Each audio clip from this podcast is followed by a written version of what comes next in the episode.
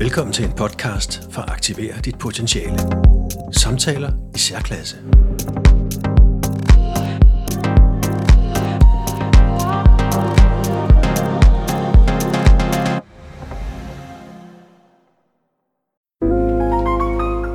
Normalt er det øhm, mig, der har gæster på besøg.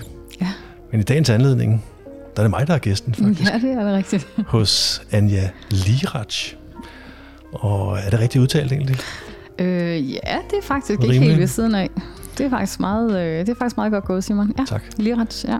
Det kan være, at øh, du vil starte med lige at fortælle en smule om, hvem du er. Jamen, det vil jeg gerne. Øh, jeg er 46 år øh, og øh, bor øh, her ved Aarhus og har boet her i 8 år. Og øh, det her øh, efternavn, det stammer faktisk fra Tyskland af, fordi der kommer jeg nemlig nedefra, eller der har jeg boet i mange år i hvert fald. Jeg har boet der i cirka 20 år, så øh, det er også derfra mit efternavn kommer. Det er simpelthen, fordi jeg har været tysk gift, eller er tysk gift. Og øh, ja, øh, og ellers til hverdag, så øh, beskæftiger jeg mig faktisk med det tyske sprog. Det har jeg gjort i mange år. Jeg øh, lever af at oversætte.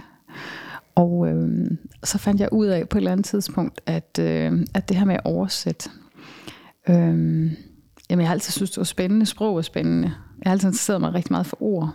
Så det vil sige, at jeg har også altid interesseret mig meget for kommunikation. Og øh, det leder mig så hen til, at jeg også interesseret mig meget for mennesker altid faktisk. Og derfor så besluttede jeg mig faktisk for, for, for halvanden år siden at begynde at læse psykologi. Mm-hmm. Fordi jeg synes, det var mennesker er så spændende. Altså. Og, og det kommer så nok også lidt af, at øh, jeg sad i mange år inde ved Bolia, og sad med alle deres øh, svære sager, forbrugerrådssager og sager, der var gået til advokat og så videre og så videre. Og øh, der var rigtig meget øh, konfliktmæling over det, men der var også rigtig meget det der med, lært mennesker at kende telefonen på et minut og finde ud af, hvem du har foran dig. Agtigt. Så der var, rigtig, ja. der var rigtig meget med det her med at mærke mennesker. Øhm, og der skulle man faktisk være ret, øh, ret skarp til at mærke, hvem man havde. Ja. Øhm, og øh, det kræver rigtig meget, når man ikke har vedkommende foran sig. Når det er igennem telefonen faktisk, at mærke Mhm. et menneske. Så men det fandt jeg faktisk ud af, jeg synes selv, at det var jeg ret god til. og, øh, og det... Øh, Ja, og det var så også, da jeg besluttede mig for på et eller andet tidspunkt at sige dit job op. Og så øh, begynde at læse psykologi i stedet for. Og øhm, ja, og så bare ved siden af faktisk øh, drive min egen virksomhed og, og oversætte. Så, så det vil sige, at I, egentlig så det, jeg laver til hverdag øh, ved siden af studiet, det er at hjælpe danske virksomheder online i Tyskland mm-hmm. med deres hjemmesider. Så alt, hvad det hedder handelsbetingelser og juraen, men også øh, oversættelser selvfølgelig. Så, så det er egentlig det, jeg laver. Det er lige kort til mig, Ja. tænker jeg. Ja. Og øh, en sjov anekdote. Vi mødte jo hinanden på en café, ja, det gjorde vi. øh, hvor rigtigt. Øh, du vi skulle skulle dele noget strøm. stikdåsen. eller Jeg sådan skulle, jeg skulle bruge noget strøm, det er rigtigt. Jamen det var simpelthen, fordi jeg elsker jo faktisk at sidde og arbejde nede blandt mennesker. Ja. Øh, jeg elsker at være blandt mennesker. Jeg elsker at sidde og kigge på mennesker. Mennesker er spændende, de er interessante. Og, øh, og jeg elsker at tale med mennesker også. Så det er fuldstændig rigtigt, at øh, mit kontor det er absolut ikke herhjemme. Så når jeg gør noget, så sætter jeg mig ned i byen på en café. Ja. Og så sidder jeg og arbejder dernede med min laptop. Så det elsker ja. jeg. Og så kommer jeg for det meste altid at snakke med nogen dernede. Og det er fuldstændig rigtigt. Øh, jeg havde jo brug for strøm. Så øh, det fik Ja. vi hurtigt engageret. At, Ja, jeg, ja. også, at jeg lige kunne, kunne låne lidt strøm der. Så øh, Ja, og så var det så, at øh, vi lige pludselig fik nogle meget spændende samtaler i gang. Ja, det Øh, kan jeg huske, fordi at, øh, jeg nævnte noget med, at jeg arbejdede med selvværd. ja, Øh, og så var det som om, at så var der lige pludselig hul igennem. Så var der hul i gamle, det var fordi, jeg havde aldrig nogensinde hørt sådan en præsentation før. Det er, sådan, det er ikke lige det første, det er ikke den måde, folk sådan plejer at komme og præsentere sig på, så den fik mig jo faktisk til at blive endnu mere interesseret, fordi du lige netop sagde, at du lavede noget med selvværd, og, og så siger du, jamen du havde jeg ved ikke, hvor mange års erfaring i det her med, Ja. med, med selvværd, og, men også mangel på selvværd. Og så var det, jeg begyndte at spidse øre, fordi jeg tænkte, hold da op, det var en modig præsentation af sig selv. Øh, det er bestemt ikke den måde, øh, folk de lige plejer at åbne en samtale på. Den var meget ærlig og meget autentisk. Så på den måde, så tænkte jeg, wow, der er et eller andet her. Det tænker jeg, det er lige nødt til at finde ud af, hvordan, hvad, ja. hvad, hvad er det? Så øh, Ja, og tilsvarende blev jeg jo inspireret, fordi at, øh, at du øh, meget hurtigt kunne sætte nogle ord på, Øh, også nogen, jeg ikke kendte i forvejen. Men og det er derfor, vi, vi i dag her har øh, tænkt os at, ligesom at, som hovedtema at tale om, ja, det kan også være selvværd og, og selvkærlighed. Er, Ja. er, der, øh, er, der, er, der en, er der en forskel på de to? Ja, det synes jeg, det er. Altså, og det var faktisk også der, du lige øh, gav mig stikordet. Øh, fordi du sagde selvværd, så sagde jeg selvkærlighed. Og så, så, så sad vi jo lidt der. Og øh, om det er det samme, så vil jeg jo helt klart sige, at øh, selvværd opstår ikke uden selvkærlighed, faktisk. Øh, fordi at det er ligesom fundamentet, faktisk, for selvværd, det er selvkærlighed. Det er accepten af en selv, men, og der er lang vej derhen. Så det er der jo også mange gange til selvværd, faktisk. Der kan godt være, det kan jo godt være en halv lang vej nogle gange.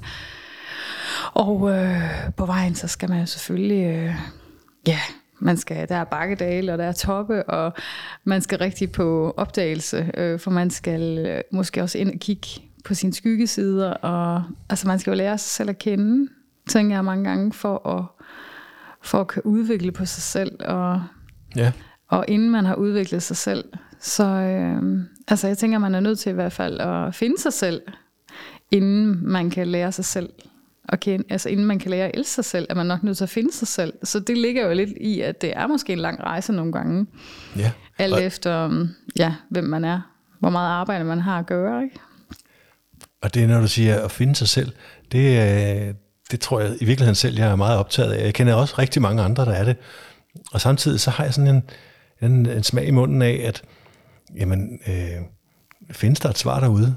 Jeg tror, aldrig, jeg jeg tror aldrig nogensinde, at man bliver færdig med at finde sig selv, men jeg tror, man kan skralde så mange lag af, at man sådan står autentisk til sidst. Og det er jo også det, der ligger lidt i ordet autenticitet. Vi kender alle sammen de her mennesker, der har rigtig mange masker på, når vi møder dem.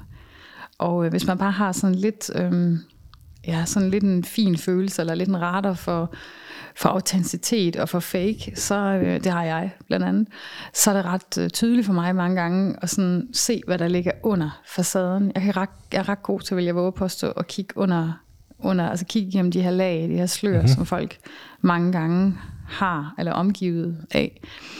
Øh, og der taler vi om masker. Øh, ja. Der er rigtig mange mennesker, der har masker på. De her masker, dem tager vi jo øh, af og på. Når vi er hjemme, så skulle vi helst ikke have nogen masker på faktisk. Og så alligevel, så har vi det måske i vores parforhold. Det er der rigtig mange, der har. Øh, når vi er ude i verden, så tager vi dem for det meste på. Og alt efter, hvem vi er sammen med, så tager vi dem af og på. Øh, Hvorfor gør vi det? Hvorfor er der, jeg er næsten hellere at spørge, hvorfor, hvorfor har vi egentlig brug for masker? Eller har vi brug for masker? Jamen, det har vi, indtil vi har fundet vores selvkærlighed faktisk. For selvkærlighed, det er jo noget med at acceptere sig selv og elske sig selv som den man er, men også noget med at have fundet ud af, hvem man egentlig er, og hvorfor man har masker på, for vi har jo masker på for at beskytte os selv. Det er jo sådan en, en forsvarsmekanisme mange gange, og det er noget, vi sætter op på grund af vores ego, så der er også noget arbejde med egoet faktisk. Altså der er også noget ego-arbejde i det, og det ligger lidt ligesom i det her med, at vores masker, de beskytter jo vores ego mange gange også. Øhm, så man skal have arbejdet med sig selv. Egoet er jo stoltheden. Øhm, og øhm, ja, så folk har masker på, og det har de som sagt, fordi at det har noget med vores selvbillede at gøre. Mm-hmm. Altså den måde, vi gerne vil ses på. Så Ja, den er, måde, som vi gerne vil ses på, ja. Mm, det sociale selv, ja. kan man sige. Så vi, Vi har- konstruerer faktisk noget, som vi ikke nødvendigvis er, men noget, vi Ja. af en eller anden grund gerne vil være, eller har brug for at være, eller udstråle. absolut. Og det er, jo, altså, det er jo igen det her med, at vi har to, per definition to.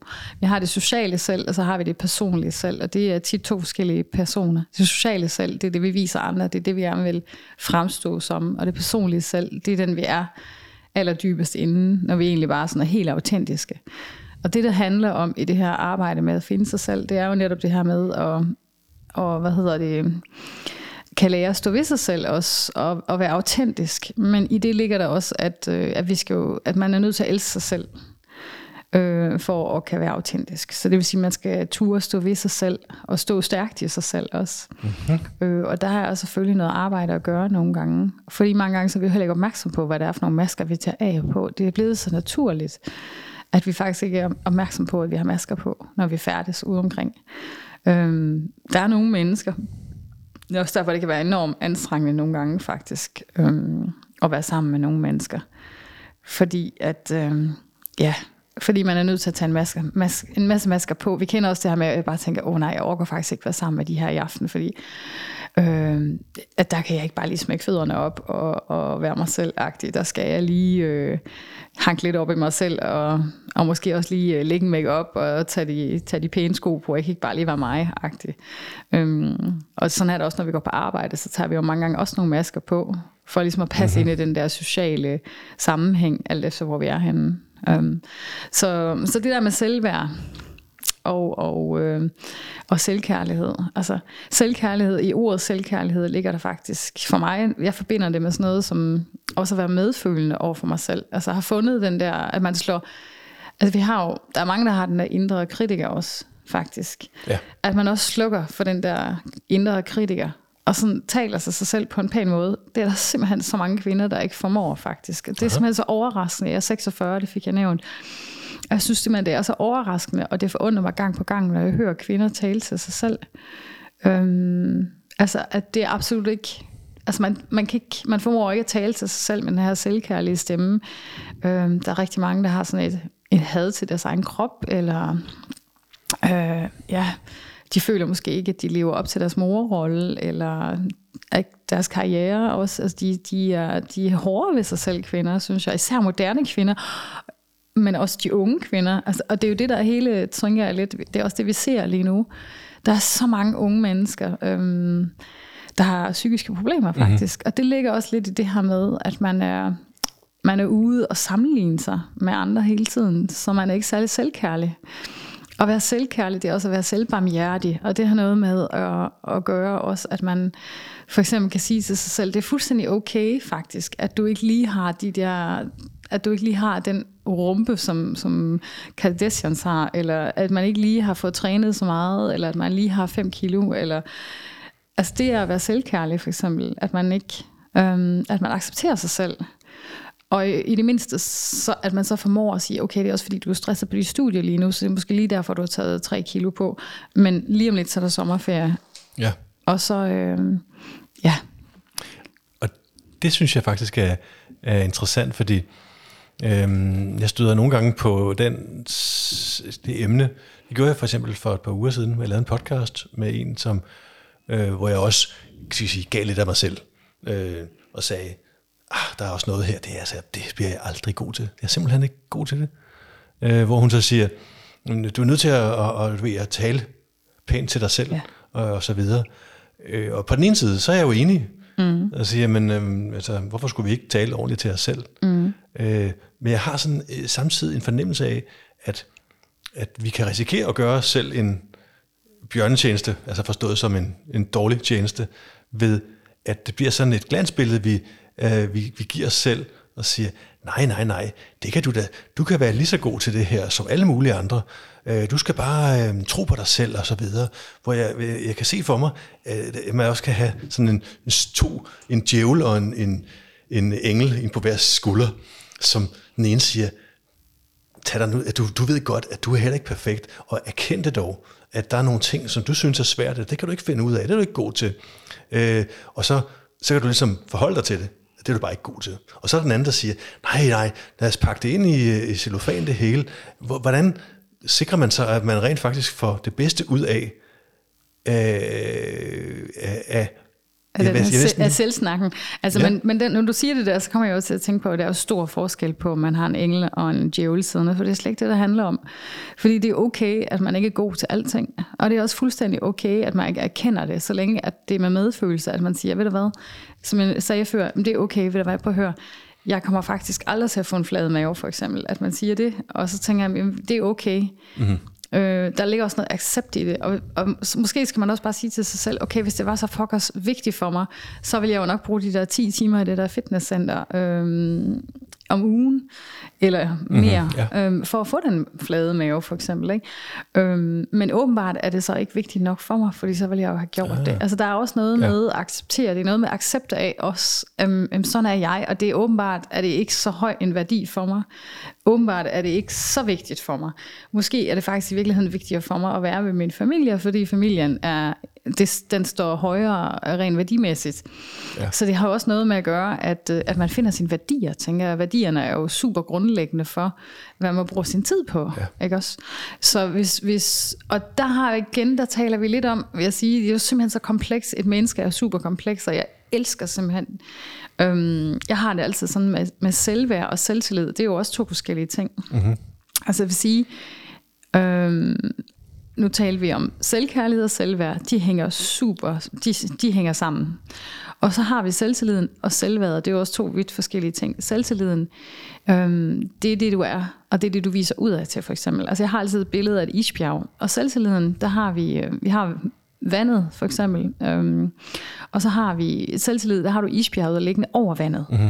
Og så har du i virkeligheden rigtig meget, meget, meget lidt, der ligger under vandet. Så det stikker ikke så dybt, dit isbjerg.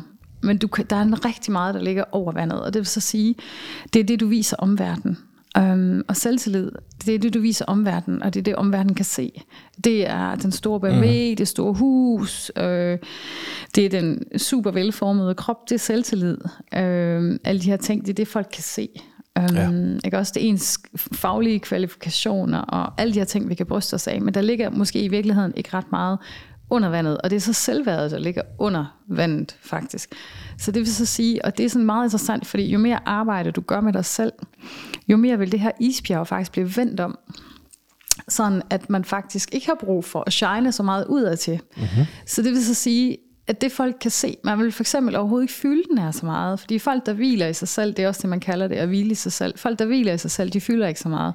Det er heller ikke dem, man hører i, øh, til festerne, eller i en runde, eller Øhm, de fylder ikke så meget. De har ikke så meget brug for at blive set, så det vil sige, det vil typisk heller ikke dem, der faktisk har brug for at bryste sig af 10.000 titler, eller, eller en stor bil, mm-hmm. eller det dyre tøj, eller øhm, fordi de faktisk hviler i sig selv. De har selvværdet, og selvværdet det er så det, der ligger under vandet. Og hvis selvværdet er stort, Øh, hvis man har gjort sit indre arbejde, så vil, det typisk, så vil man hvile så meget af sig selv, og så vil man også vide, hvem man er, og så har man typisk ikke så meget brug for at hente øh, øh, tingene udefra. Øh, så det vil sige fra omverdenen, for man kan faktisk fylde sig selv op. Og nu er vi ude i et tema, hvor vi taler, man har, vi har forskellige grundbehov alle sammen som mennesker, og en af dem er anerkendelse. Og anerkendelse, det ligger jo rigtig meget i det her med selvtilliden. Så det vil så sige, når du er ude og hente din anerkendelse fra din omverden, så sådan noget som den, de dyre tøj eller den store bil, det vil jo typisk, der vil du typisk hes, øh, hente noget anerkendelse faktisk. Ja. Ikke også? Så der er du ude og hente din anerkendelse fra din omverden. Og det er jo så det, der skaber isbjerget over vandet. Ja. Øhm, fordi der er du ude og hente det der. Men hvis det er, at du er i stand til rent faktisk at fylde dig selv op med anerkendelse, det vil så sige, hvis du rent faktisk også er i stand til at tale pænt til dig selv, det er jo en forudsætning også for at kan anerkende sig selv, det er, at man kan tale pænt til sig selv. Så hvis man rent faktisk er i stand til at, at hente den anerkendelse i sig selv, og bare sige, ved du hvad, det her det gjorde du faktisk rigtig godt. Du gjorde faktisk dit bedste. Og jeg synes faktisk, du gjorde det meget bedre end sidste gang. Mm-hmm. Og det var da virkelig godt. Eller, ja. Altså hvis man er i stand til sådan at anerkende sig selv, også for jeg gjorde faktisk, hvad jeg kunne, øhm, og finde den her anerkendelse af sig selv, så har man jo ikke brug for at hente den andre steder i de ydre, øh, i ens ydre, ja. altså i omverdenen. Mm-hmm. Så på den måde, så det er den måde, man siger faktisk, at selvværd opstår på. Det er, når du kan fylde dig selv op. Øhm, og anerkendelse er kun et af vores behov. Vi har også noget som tryghed, for eksempel. Ja. Tryghed. Altså, og nu er vi ude i noget, hvor man tænker, jamen hvis du skal hente din tryghed hos andre mennesker, øh, det tror jeg, vi alle sammen kender, øh, eller har hørt om. Det her med for eksempel i parforhold. Øh, konen er super jaloux. Øhm, og det er noget med, at uh, hvis ikke hun føler, hvis hun har den her tryghed i sig selv, så er hun ude og prøve at kontrollere hans omverden for Ligesom at hun ikke skal føle de her ubehagelige følelser.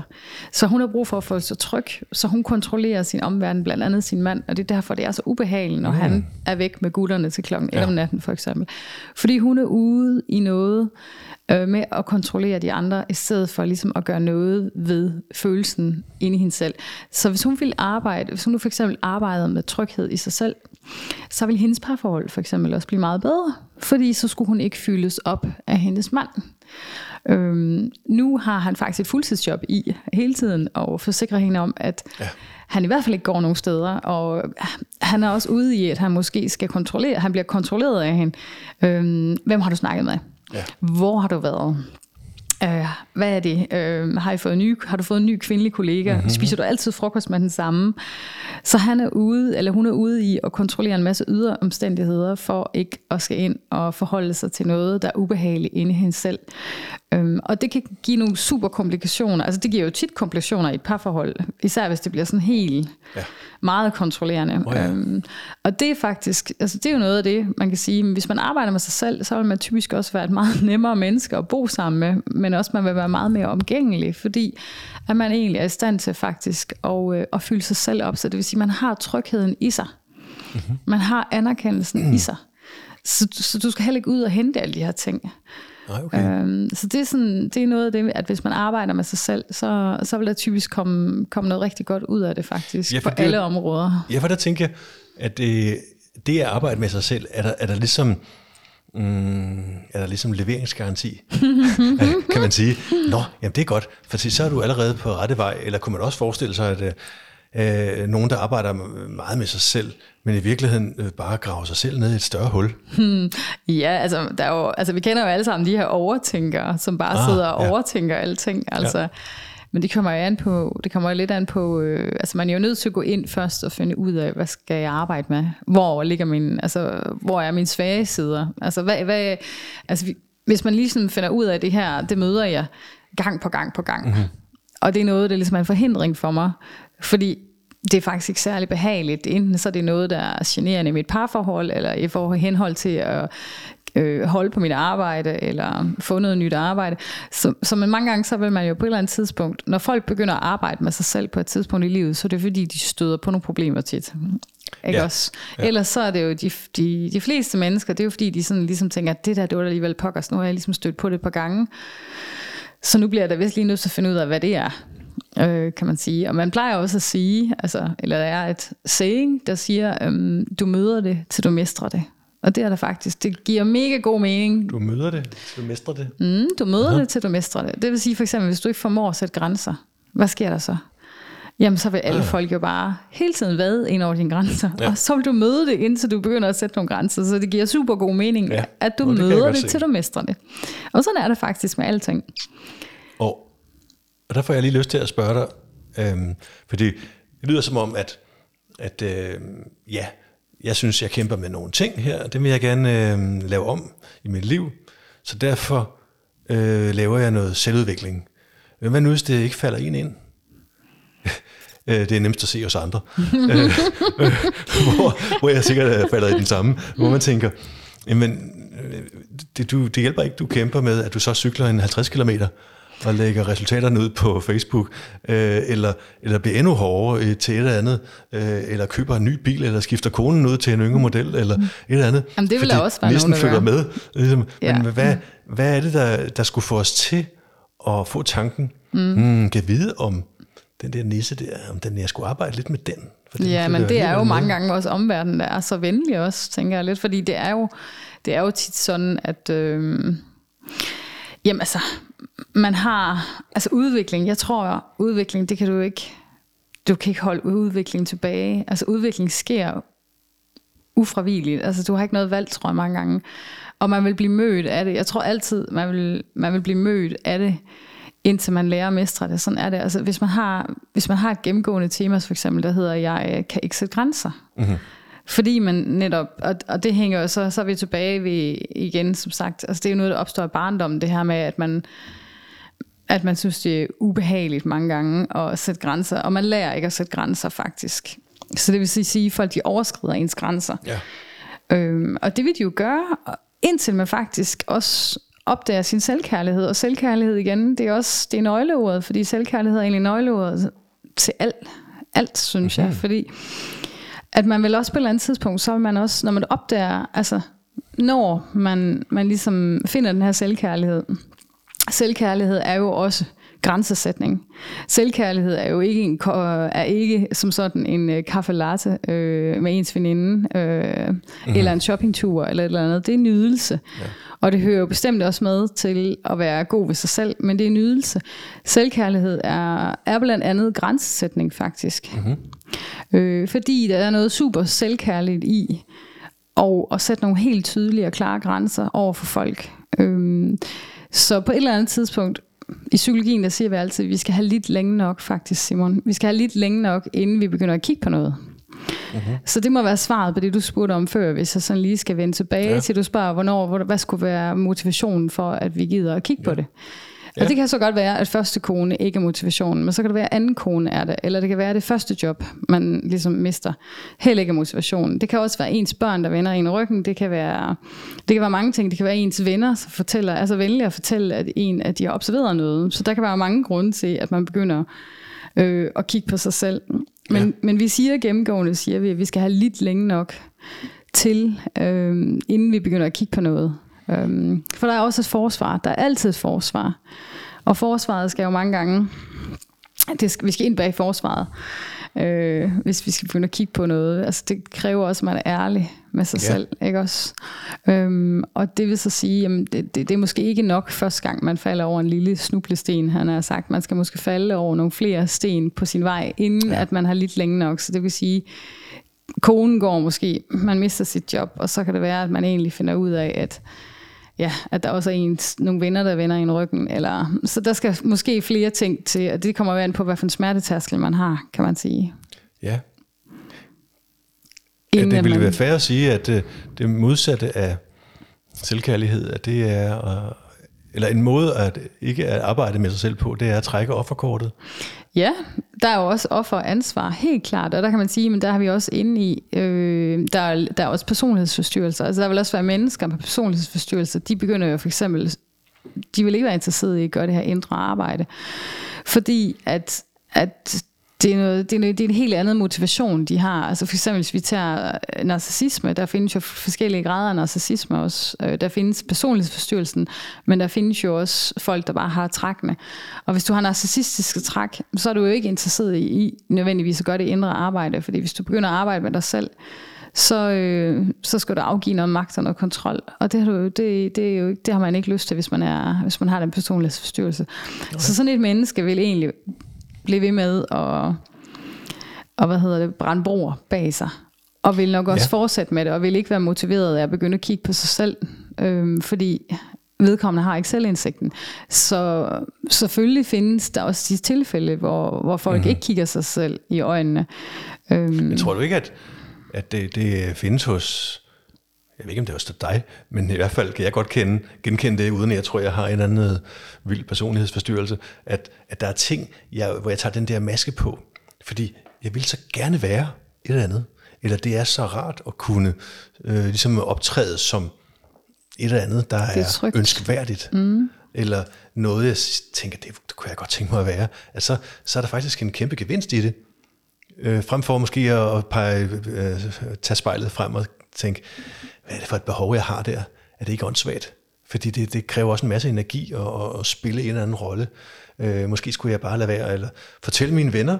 Men hvis nu forestiller sig med, måske i forhold til øh, selvtillid, mm. at man bygger sin verden op omkring sig, som det der perfekte skuespil, og det bliver sværere og sværere, og, og, og lige sige, jeg rækker lige hånden op her, jeg vil gerne sige noget. Alt det, jeg har sagt og gjort de sidste 50 år, det passer ikke. Det passede ikke. Nu skal I høre, hvordan jeg egentlig har det. Det, det er derfor, vi noget. er ude i, det er jo derfor, vi er ude i, at folk nogle gange gør selvmord nærmest, fordi de mister alt. Altså hvis de mister deres titel, eller mister deres virksomhed, eller, altså det er jo det selvbillede. Det er jo, vi er jo helt nede på sådan noget øh, som identitetsniveau. Ja. Vi er nede i noget, der er så essentielt. Så, øh, så vi er nede og rører ved noget. Så jo, Øh, det er da virkelig dybt skræmmende for de fleste mennesker, hvis man har bygget en identitet op. Fordi hvad er man så? Men, men hvis ikke man er det, man er, eller det, man har sagt, man er, eller det, man har bygget op, hvad er man så? Og så er vi jo derude, det er jo et narrativ, altså det er der, vi er ude og sige, jamen så øh, må man skabe en ny historie om sig selv faktisk. Og det er jo det, der sker mange gange, hvis man enten bliver skilt, så mister man jo, eller man har en partner, der dør, som man har været sammen med i super mange år, at så er du også ude, jamen hvem er jeg? Så skal man først til at finde ud af, hvem er jeg så? Øhm, og så skal der en ny historie til, og, Ja. det, det, øhm, og det kan være super skræmmende, og, der er jo mange folk, der bliver hængende i den gamle historie. Øhm, så der, jeg har mødt kvinder, de er blevet hængende i den her gamle historie om det her ægteskab, som de levede i, fordi det var deres virkelighed, og der er i virkeligheden ikke kommet så meget efter, Nej. fordi de hænger fast i fortiden. Øh, og der trækker de offerkortet, og så bliver de siddende og fortæller den her historie om sig selv. Det var sådan her, det var. Mm. Så de har deres egen virkelighed, og den lever de stadigvæk i, også selvom der ikke er noget ægteskab, og ikke har været der i, i rigtig mange år. Og det kender vi også, hvis man dør nogle gange. Altså, så kan der også være nogen, der sidder stadigvæk og, og nærmest, ja, og taler med ham stadigvæk nærmest. Altså, Ja. De lever stadigvæk i det her ægteskab, selvom manden er væk, eller de er blevet skilt. Altså. Ja. Øhm, og, øh, og der ligger jo noget i det her med identiteten. Hvem er jeg så? Og ja. noget med, med fortællingen også om, hvem er jeg? Ja. Øhm, og offerkortet, ja, det, kan, det, det er der mange, altså det er der nogen, der trækker øh, fra offer til ansvar. Det er altid ansvar og handling, mm-hmm. ikke også? Øhm, og offer. Altså det kender vi også med hensyn til sygdomme, for eksempel. Altså der er jo også nogen, der er sådan et offer på min sygdom. Jeg har migræne. Ja. Øh, Og jeg er nærmest. Jeg er migræne. Ja, ja, ja, de identificerer sig med det. Øh, så de er sådan helt nede på, jeg er migrænen. Og, og der er vi også inde i at kigge på, jamen, der er jo altid noget, der ligger bagved. Så hvad er fordelen ved at have migræne? Så what's in it for me? Så hvor, hvad er det, der er så fantastisk ved den her migræne, at jeg ikke vil give afkald på den, at jeg nærmest identificerer mig med den? Ja. Og det er jo det der med netop, jamen, jeg har migræne, så jeg kan lige få lov til at ligge mig i øh, tre dage. Ja. og, og så klarer du lige børnene. Eller når Ja. ja. jeg har migræne, så skal jeg faktisk ikke med ned til mine svigerforældre, selvom vi skulle have været til Fyn her weekend. Eller, Ja. Så der er jo også altid, der ligger jo også altid noget bag ved det her, øh, som vi identificerer os med. Der er Ja. jo altid en Oh, ja. fordel i det at være et offer, fordi hvis man er et offer, så kan man jo ikke gøre for noget som helst. Øh, men der ligger så meget mere power i at tage ansvar selvfølgelig, og det er jo her udviklingen sker, og det er også der, du nu siger, jamen det er jo ikke alle, der kommer til at kigge på sig selv. Øhm, selvfølgelig er der ikke det, men at kigge på sig selv, det er jo helt klart at tage ansvar. Og det er jo også der forvandlingen sker, fordi forvandlingen, den, den sker jo i, i handlingen, altså... ja. Øhm, Der øh, kommer jeg i tanke om en podcast, jeg lavede med en, en ældre mand på 82, som øh, fortalte en meget interessant historie øh, om temaet hed Den gamle sure mand. Mm. Og virkelig interessant, fordi han, er, han, er, han har så meget power, så han godt tør at fortælle den historie om, at, at, øh, hans identitet lå i arbejdslivet. Mm.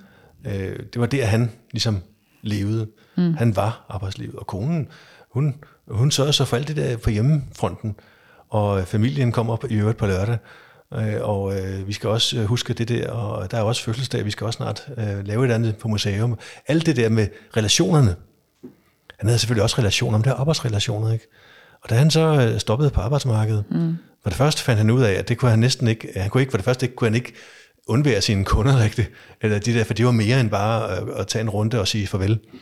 Men så fandt han også ud af, at, at, at, at faktisk, så havde han, var han gået glip af noget meget væsentligt i hans liv, nemlig de der dybe relationer. Og det havde han slet ikke styr på. Fordi det var overladt til, til, til hende. Mm. Og øh, så gik ægteskabet ikke længere. Og så, så faldt han ligesom ned i, i det der den gamle sure mandrolle. Det er nok offerkortet i virkeligheden, man kunne jeg forestille mig, man, man vælger at trække. Hvor så hans søn og en, en god ven, de fik ham op igen. Mm. Og i dag, der, der arbejder han virkelig med, med, med de der dybe relationer. Øh, kende, øh, sådan, og så interesserer sig for sin, for sin familie og børnebørn, og, Ja. og vil gerne noget med mennesker, og, og er stadig sådan et konsulent øh, for nogle små øh, iværksættere og sådan noget. Men, men det ser man typ, det ser man ret tit faktisk, den her med, at identiteten, den, i hvert fald især nogle tidligere generationer, jeg synes, de nye generationer af mænd, de bliver bedre og bedre, fordi Okay. de også har barsel nu, og så, så de nye generationer, det er ligesom nogle andre, de, altså, der er jo også det der med, at kvinderne er jo også på arbejdsmarkedet og ligestilling og alt det her, så, så man vil jo typisk forbinde, altså kvinderne vil også forlange noget mere, de vil også forlange, at mændene engagerer sig i øh, børneopdragelsen og ja. i relationerne, og så, så det her med, at der er lige, at der er lige ansvar og ligeværdighed, øhm, det er jo det, vi ser i de nye generationer, så det, det, er, man vil ikke, det, vil ikke nær, det vil ikke blive nær så sårbart med de nye generationer, tror jeg, som Okay. okay. det er i de ældre generationer, Nej. for der ser man virkelig i den grad, altså med det gamle kønsrollemønster, vi havde også, altså der var mænd enormt sårbare, når de blev alene. Ja. Øh, og der ser man også meget hurtigt rent faktisk, at, øh, at de finder en ny partner mange gange jo, fordi de netop ikke Øhm, fordi det er kvinden mange gange, der har stået for relationerne, så de bliver enormt ensomme. Mm-hmm. Og mænd er heller ikke ret gode til at gå ud i det, og ligesom diskutere eller tale om følelser med, med deres mandlige kammerater, eller med nogle andre. Altså det vil være noget, de, som de typisk kunne tale med deres øh, tætteste partner om. Så på den måde, så i det øjeblik, hun ikke er der længere, så vil de være enormt sårbare. Ja fordi de netop heller ikke har nogen, og de er så tæt på, så de har lyst til at åbne op for den del. Og det er jo der, der er mange, der kommer i terapi også, øh, eller nogen i hvert fald, mm-hmm. og bruger, benytter sig af det, kan man sige, fordi at mænd er heller ikke gode til det her med at åbne op for følelser nogle gange, synes jeg. Øhm, det, det kan, jeg tror også, det kan virkelig skræmmende. Altså i hvert fald for de generationer, der var tidligere. Jeg tror, de nye generationer, der tror jeg helt klart, det er noget andet. Mm-hmm. Men det er jo en langsom proces, men det er også, ja, alt efter hvad for et, øh, hvad for et øh, kønsrollemønster, der er i hjemmet. Altså, de ser jo også nogle andre, anderledes ting. Altså. Er det, at, at det med at, for eksempel at vise følelser, er det en, tror du det er en, en kulturel ting, eller er det genetisk? Og vise følelser? Ja, altså, er, altså mænd kan... er ikke så, vi er simpelthen ikke så disponeret for det. Er det altså, her, jeg synes, det er et meget interessant spørgsmål faktisk, fordi nu har jeg jo boet enormt mange år nede sydpå faktisk, og øh, i Sydtyskland, der har, hersker der jo stadigvæk et, et rigtig, rigtig gammelt øh, kønsrollemønster, hvor kvinderne netop går hjemme og tager sig hjemmet mm. og passer børnene, og mændene de er ude på arbejdsmarkedet. Øh, og, øh, og den tyske kultur er også typisk øh, lidt mere overflade øh, baseret. Altså det vil sige, øh, man, man er typisk lidt mere privat faktisk som tysker, end man mm. er mhm. som dansker. Ja. Man får ikke lov at komme så tæt på tyskere. Øh, man er for eksempel heller ikke inviteret i det, altså hjem, altså som vi kender der hjemme til aftensmad og sådan noget på den måde. Altså det er sådan, man mødes meget ude, fordi hjemmet er jo også familiens intimzone, så det er sådan lidt, der inviterer man faktisk ikke venner ind i det, i så tæt en, en kreds. Mm-hmm. Altså i, så det vil, det vil typisk være, det vil typisk kun være familien, der kommer der. Så der er sådan, der hersker også en anden, altså der hersker selvfølgelig en, en anden, ja, hvad kan man sige, altså det, det er bare en anden altså nogle andre roller. Øhm, så på den måde, så, øhm, ja, så, så er det der med at vise følelser, om det er genetisk, eller om det er eller om det er noget kulturelt. Jeg tror, der ligger noget kulturelt i det i hvert fald. Mm-hmm. Jeg tror også, der ligger noget generationsbestemt over ja. det, fordi jeg tænker, at de tidligere generationer, de er opdraget på en anden måde. Øhm, altså min ja. og din generation og tidligere, altså måske ikke så meget vores, men endnu tidligere, at de er helt klart opdraget på en anden måde. Ja. Man kan sige, især i Tyskland for eksempel, fordi der havde vi jo så også efterkrigsårene, og alle de børn, der ligesom er opdraget under krigen og i efterkrigsårene, de, altså der var jo en helt anden følelsesmæssig afstumpethed dernede, kan man sige. Ja. Øhm, så ja, så, så det har der påvirket opdragelsen ja. øhm, af, af de mandlige altså selvfølgelig også af de kvindelige øh, person, personer, men også af de mandlige, øh, hvad hedder det, familiemedlemmer. Ja. Øh, og så tror jeg bare herhjemme generelt nu, som, som tiden ser ud nu, så tror jeg, det bliver en, jeg tror, det bliver mere okay som mand også at, at sige, hey, jeg har egentlig også lige følelser, og jeg vil egentlig også gerne høre sig ses, og jeg har lige det her problem, eller det ja. her issue, og jeg tror, det er sådan, også med, med nettet og de sociale medier og alt muligt, så er der bare åbnet op for, at, at man ikke behøves at sidde og putte sig, hvis man har et eller andet, man gerne vil af med, og man har også nemmere ved at komme i berøring, måske med, altså nu for eksempel var der jo super mange kvinder, der havde, eller ikke super mange, men der er der i hvert fald kvinder, der har de her sider, hvor de er meget ærlige omkring deres strikmarker og deres krops-issues oh ja, og sådan ja. nogle ting. Ikke? Det er jo også noget, altså man kan sige, ja, øh, nettet og de sociale medier har dårlig indflydelse, men det har der måske også god indflydelse. Det kommer jo an på, hvad du vælger at se. Og der mm. synes jeg faktisk, der har en super sød historie, fordi altså sådan er her verden jo indrettet. Øhm, det, kommer jo ud, det kommer jo an på, hvad du, hvad, hvad du ser. Øhm, for eksempel så øhm, øh, en børnehaveklasse, øhm, som, som jeg havde... Øh, øh, hvad hedder det, som, ja, som jeg fulgte til skole. Altså sådan, da Philip, min, min søn, han var i, øh, da han var i, i den alder, der var han i en børnehave, og, øh, og det var, der var ikke rigtig øh, offentlige pasningsordninger dernede sydpå, så det var noget, vi selv stiftede. Så, så det var 14 børn og 14 forældre, der ligesom udgjorde den her børnehave. Og øh, når vi så skulle på tur eller noget, og der var altid nogle børn, de fik simpelthen øje på øh, Mariehønsene. Ja, og så var der nogen, der kun så hundelortene. Det var så sjovt, altså. Det var simpelthen så sjovt, om man så det ene eller det andet, når man gik tur med ja. dem. Altså, og sådan hvad vi er prædestineret for, ikke? Altså, der var bare nogen, som sagt, ej, der er en Marie Høen, og der er en Marie Høen, og så var der altid dem her, der bare fandt, kun fandt hundelortene, mm-hmm. eller... Øhm, og det er jo igen det der med, at man kan virkelig vælge, hvad man har lyst til at fokusere ja, på. Man kan okay. vælge, hvad man ser. Altså man kan jo vælge enten at se hundelortene og kun finde hundelortene, men man kan også vælge at, at kun fokusere på at finde mariehønsene.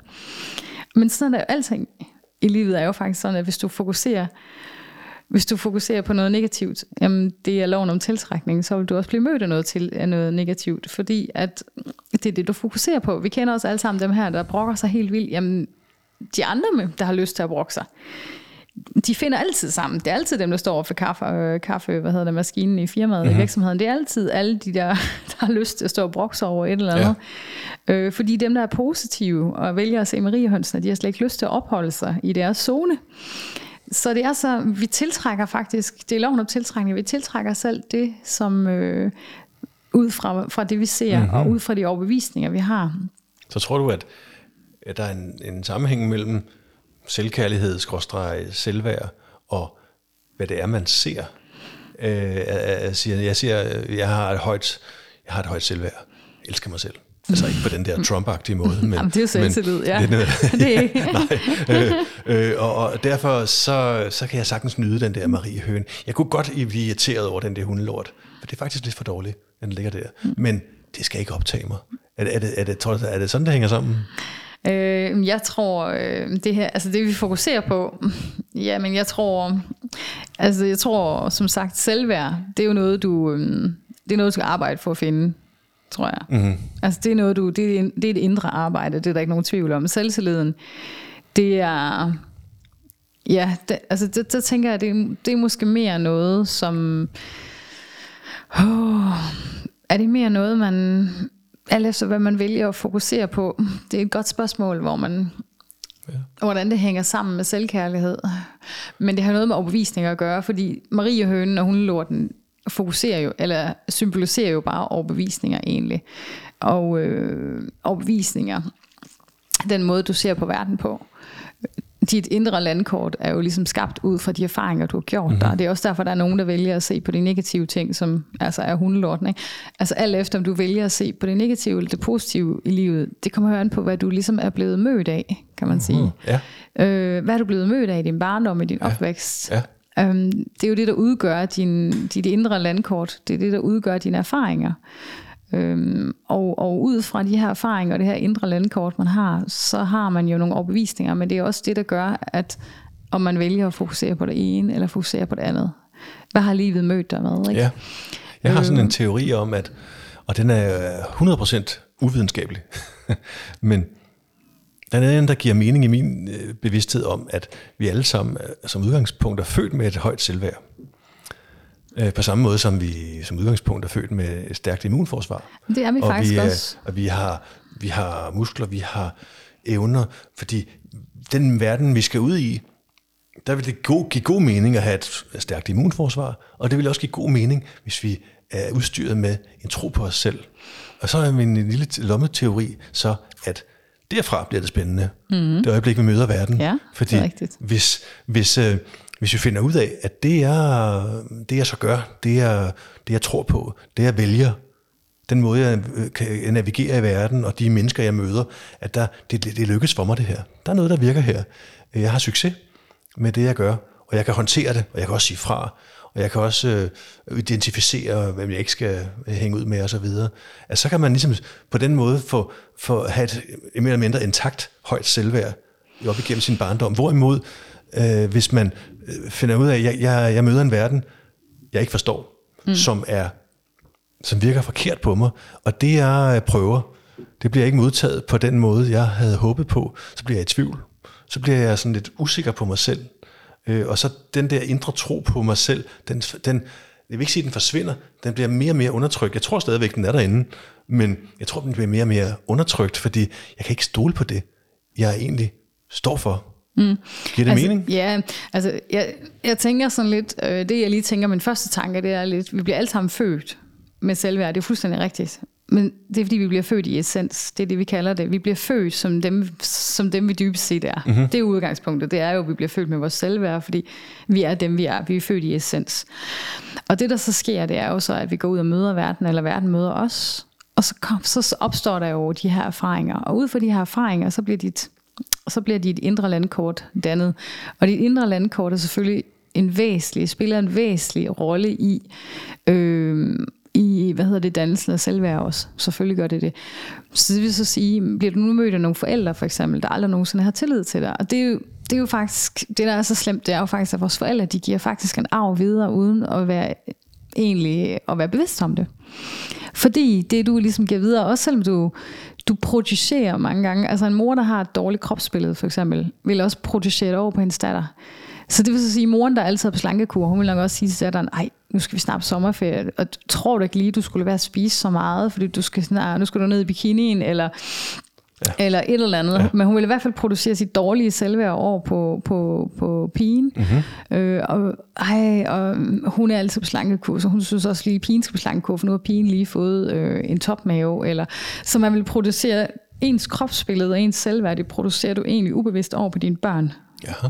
Indtil du er bevidst om det. Altså det er jo klart, et øjeblik, du er bevidst om noget, så kan du ændre det. Ja, Men fordi indtil du, har du bliver bevidst om, at det egentlig er dig selv, Ja, øh, som, som, som du dømmer. Altså man, det er jo også sådan, man siger, jamen, den du dømmer er jo egentlig dig selv. Og, og det er jo produktioner, fordi igen det her med, jamen, hvis en mor siger, ikke selv synes, hun kan tage shorts på, fordi hun har grimme ben, jamen så vil hun måske, hvis datteren har afbenene, så vil hun måske gøre datteren opmærksom på, tror du ikke, du skal have nogle shorts, der Ja. går ned til knæene. ja klart. Øh, og det er noget med, at man så producerer. Hun dømmer sig selv, og derfor dømmer hun også hendes datter. Og sådan er det faktisk med alting.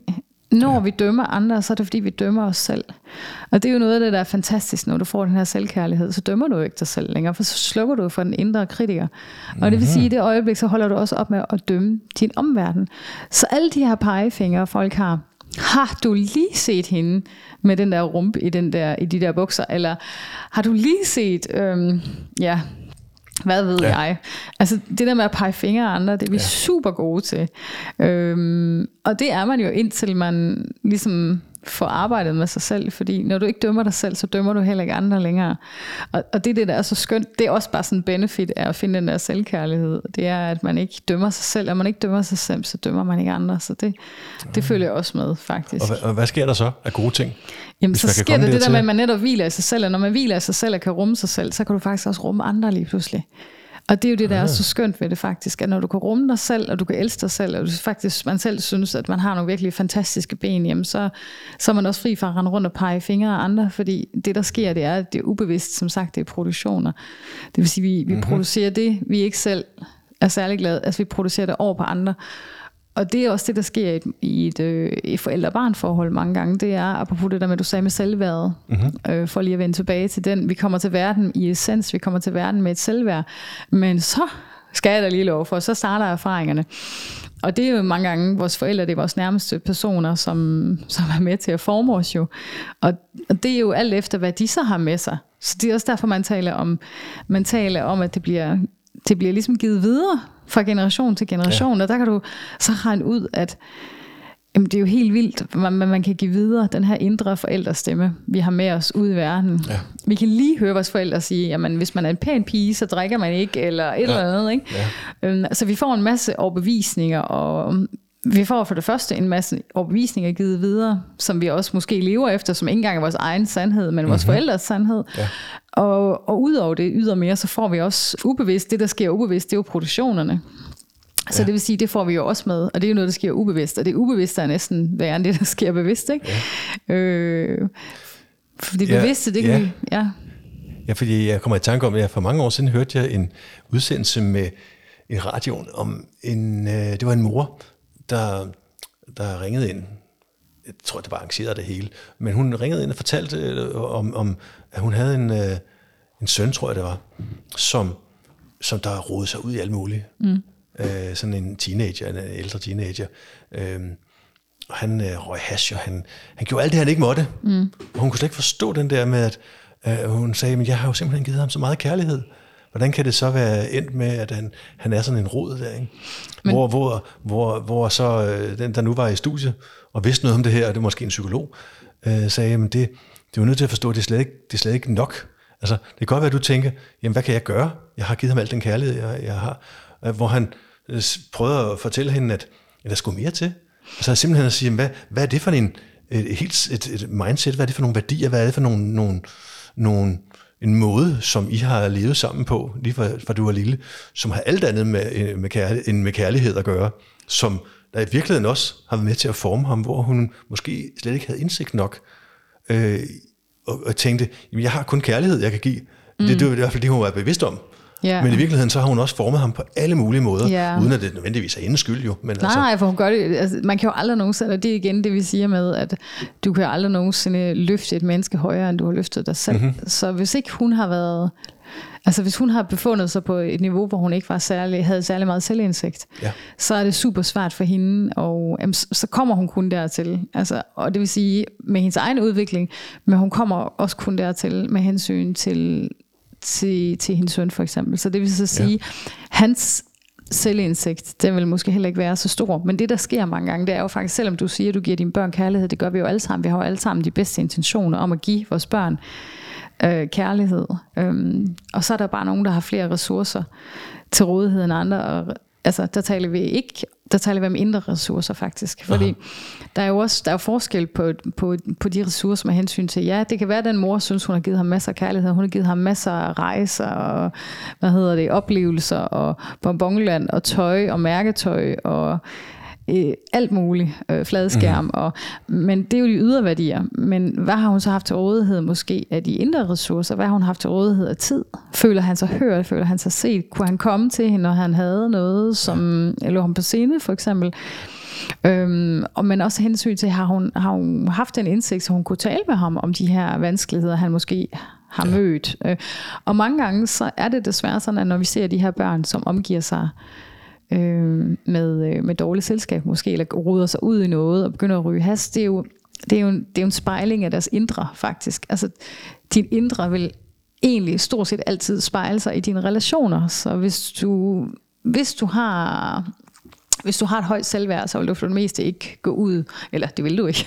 Hvis du har et højt selvværd, vil du ikke gå ud og hvad hedder det, omgive dig med personer, som, som ryger has og er dårlige for dig øhm, og som øh, er selvdestruktive, altså hvor man er ude og, og ryger has, som sagt, og ude i et misbrug. Eller, ja. øh, det vil man ikke gøre, hvis man har et højt selvværd, fordi selvværd og selvkær, altså, selvværd er jo selvkærlighed, og selv, øh, selvkærlighed vil jo forbyde dig at omgive dig med sådan nogle mennesker, fordi selvkærlighed vil jo sige, eller selv øhm, barmhjertighed vil jo også sige til dem, det her det er, jo ikke, det er jo ikke godt for dig, det er destruktivt, du skal ikke ryge has, øhm, mm-hmm.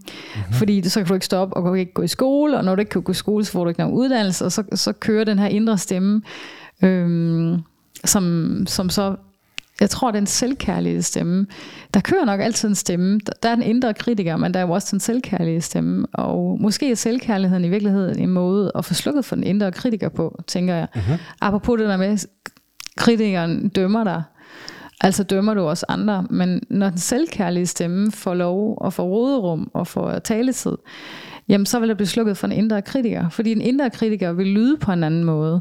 Så det er ikke englen og, øh, hvad hedder og det, og djævlen længere. Nej, det er det faktisk ikke. Det er en langt mere øhm, savlig, fornuftig samtale, der vil blive ført af, af det, der sidder på dine skuldre. Ja. For den selvkærlige stemme. Det er jo ikke fordi, at der ikke stadigvæk godt kan være nogen, der lige spørger, Altså, den kan jo godt lige komme kort, den her med, øhm, kunne jeg have gjort det anderledes? Men det er på en langt mere selvkærlig måde. Altså, den vil ikke, den vil ikke komme som sådan en kæmpe stor hammer. Øhm, og, og det er jo, på et eller andet tidspunkt, vil man nok få slukket helt for den. ja, og hvordan kan man, øh, altså det lyder banalt måske, hvordan kan man vide, at man er øh, på rette spor? Ja, det kan fordi, man mærke. ja, altså, ja, fordi det jeg oplever, mm. i, i, det er en, en, vi er en verden, hvor alt det vi hylder, mm. eller rettere sagt, vi opfordrer hinanden til, øh, og det er jo typisk noget med at købe noget. Mm.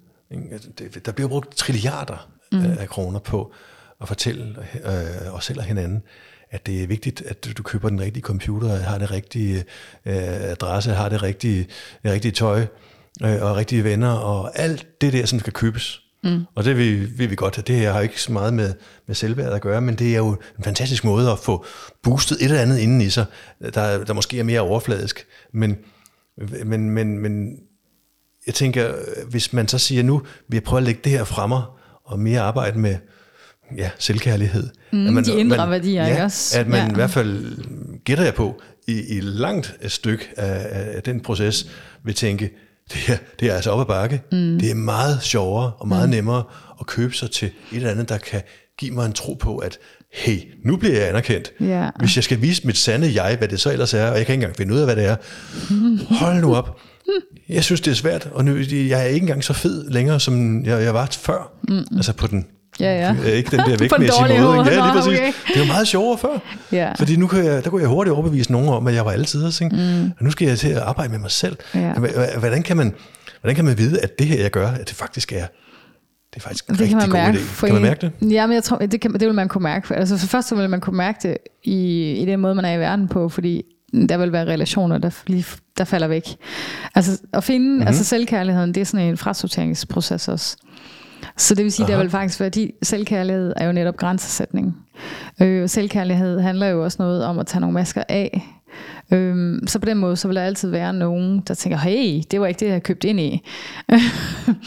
altså, og det synes jeg jo faktisk er interessant, også, altså i, i henhold til parforhold for eksempel, når man siger, at de er bare vokset fra hinanden. Ej, det er de da i hvert fald ikke, for hvad ligger der i det der med at vokse fra hinanden? Der ligger jo netop det der med, gud, jeg har fundet ud af, hvem jeg er. Øh, eller ja, den ene har fundet ud af, hvem vedkommende er, den anden er måske ikke fulgt med. Mm-hmm. Så at man har to mennesker, som møder hinanden i en ung alder for eksempel, og begge to har sindssygt mange masker på, for de ved måske i virkeligheden heller ikke, hvem de selv er, så de har alle de her masker på, fordi man ikke ved, hvad man er dybest inde. Og så kan man sige, at hvis den ene så begynder at skralde nogle lag af, og begynder at finde ud af, hvem er jeg egentlig, og så finder ud af, at Gud, jeg har egentlig nogle andre værdier. Fordi de værdier, jeg havde, det var egentlig ikke mine værdier, det var måske nogle værdier, jeg havde taget med hjemmefra fordi jeg egentlig ikke vidste, hvem jeg var. Så jeg havde bare en til en adopteret de værdier, som var blevet givet mig i vuggegave. For det, det, det er jo typisk det, der sker. Det er jo faktisk, at vi mange gange adopterer vores forældres værdier til en start, indtil vi finder ud af, hvem vi selv er. Så er vi jo formet af det, vi kommer fra. Ja. Hvis, hvis folk så går ud og vælger deres partner på et super tidligt tidspunkt, øh, når de er 20 eller yngre, eller lige først i 20'erne, så mange gange så vælger de deres partner ud fra de værdier, som de har fået med hjemmefra. Især hvis de ikke lige kommer ud og er alene selv for at finde sig selv inden. Mm-hmm. Så det vil sige, så kan de nogle gange vælge en partner ud fra nogle værdier, som de har fået givet med sig hjemmefra. Når så folk hen i livet finder ud af, Gud, hvem er jeg egentlig?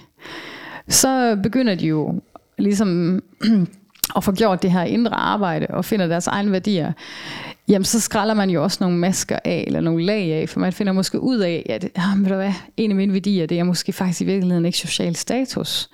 Jeg har måske en helt anden værdi, så det vil sige, at jeg, ligger, jeg, ligger, jeg bruger mine ressourcer på noget andet. Øhm, ud fra det motto, at man siger, where energy flows, result goes. Så hvis man lige pludselig ikke synes, at det er super sjovt at arbejde 46 timer om ugen for at have en masse social status, jamen så vil det ikke være der, man lægger sin energi længere. Så vil man lige pludselig, måske finder man ud af, at frihed egentlig er et, øh, et nøglebegreb, er en et, altså, værdi, der står super højt på listen. Mm-hmm.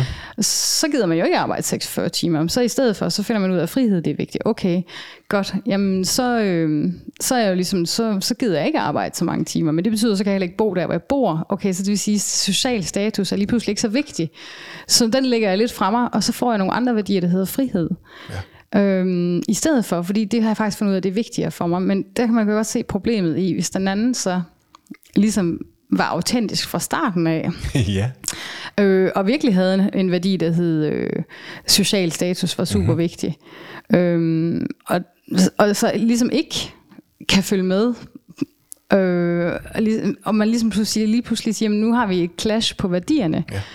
Så, så, har, så er det det, man, det er det, man kalder, at vi har vokset fra hinanden. Men i virkeligheden så handler det egentlig om, hey, hvorfor sker det altid, når folk de er midlife crisis? Det kalder man det. Hvorfor er det altid, Ja. når folk de kommer midt i livet?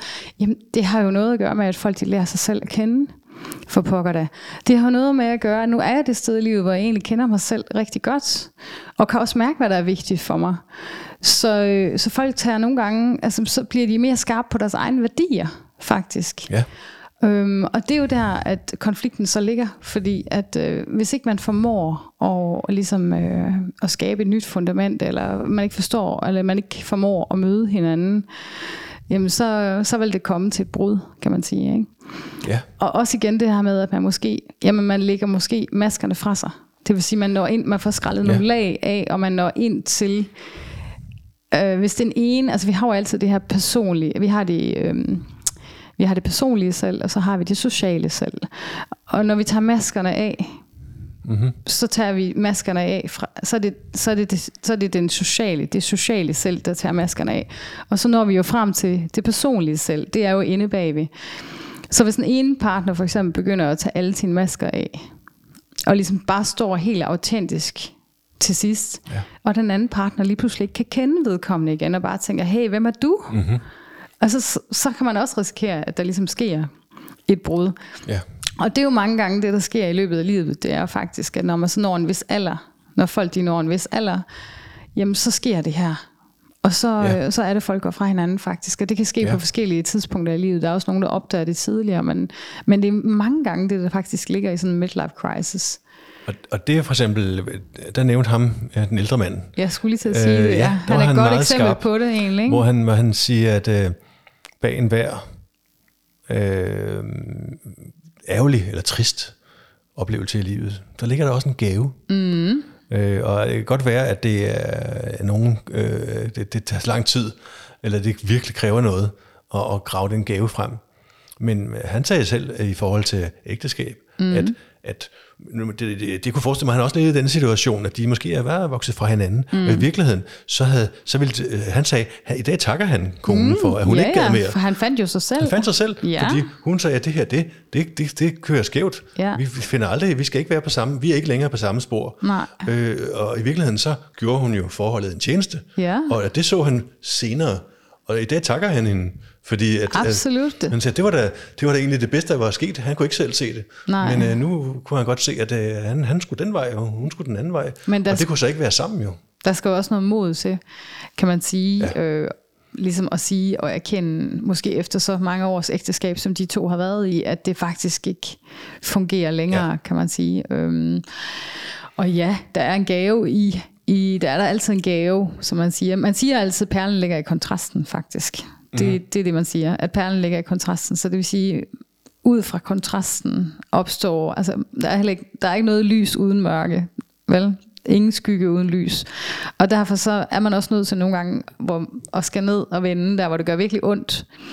Ja. Øhm, og der hvor, hvor det er rigtig træls at være, for at man ligesom kan komme ud på den anden side, og så finde ud af, at her skal jeg i hvert fald ikke være længere. Så ud fra lidelsen opstår også mange gange glæden bagefter. Men, men det kræver, at man så lige gør det her indre arbejde. Ja. Øhm, ikke også? Og man ikke bliver hængende i modstanden. Så det er noget med, at man er nødt til på et eller andet tidspunkt også at acceptere tingene. Ja øh, så man ikke bliver hængende i modstanden for længe. Men, men ja, det er jo netop et super godt eksempel, ham, den ældre herre ja. her, øhm, hvor, hvor det bare ikke går til sidst. Og det har jo igen været noget med, at han har kunne flygte væk i en identitet. Hans arbejde har været hans identitet. Og så han kunne flygte væk i det, og det øjeblik, han ikke kan gemme sig bag ved det længere. Jamen hvad så? Hvem er jeg så? Ja. Ikke også? Og så, ja, så står de der, fordi så lige pludselig, så skal han til hjem og opholde sig i hjemmet i flere timer, fordi han ikke har det arbejde længere, og så skal de til at forholde sig til hinanden, og de, de ved ikke, hvad de, altså, så, så er det sådan, hey, hvem er du? Ikke? Ja. Øh, og hvem er jeg egentlig selv? Altså. Ja. Og der var han, der han, øh, der så han, han, han, sagde, han har lært, at, at han siger, at vi har tre liv. Mm. vi har mit liv, ja. vi har dit liv, ja. så har vi vores liv. Ja. Øh, og alle tre er nødt til at fungere. Absolut. Øh, og han havde tydeligvis sit eget liv, både øh, både af en identitet om at være på arbejdsmarkedet, at mm. skaffedyret. Ja. Og hun havde så sit liv, ikke? Mm. og så sammen set kunne de godt have et liv. Men der øjeblik, han så ikke længere havde i virkeligheden et liv, mm. så skulle han til at finde, genopfinde sig selv. Ja. Det er det, der sker, mm. men man, man, man siger jo også, altså det der er ved det, det er jo, det der ligesom ligger lidt i det, det er jo også, at, øhm, altså for det første, så ligger der også lidt i det, det der med, at 1 plus 1 giver 2.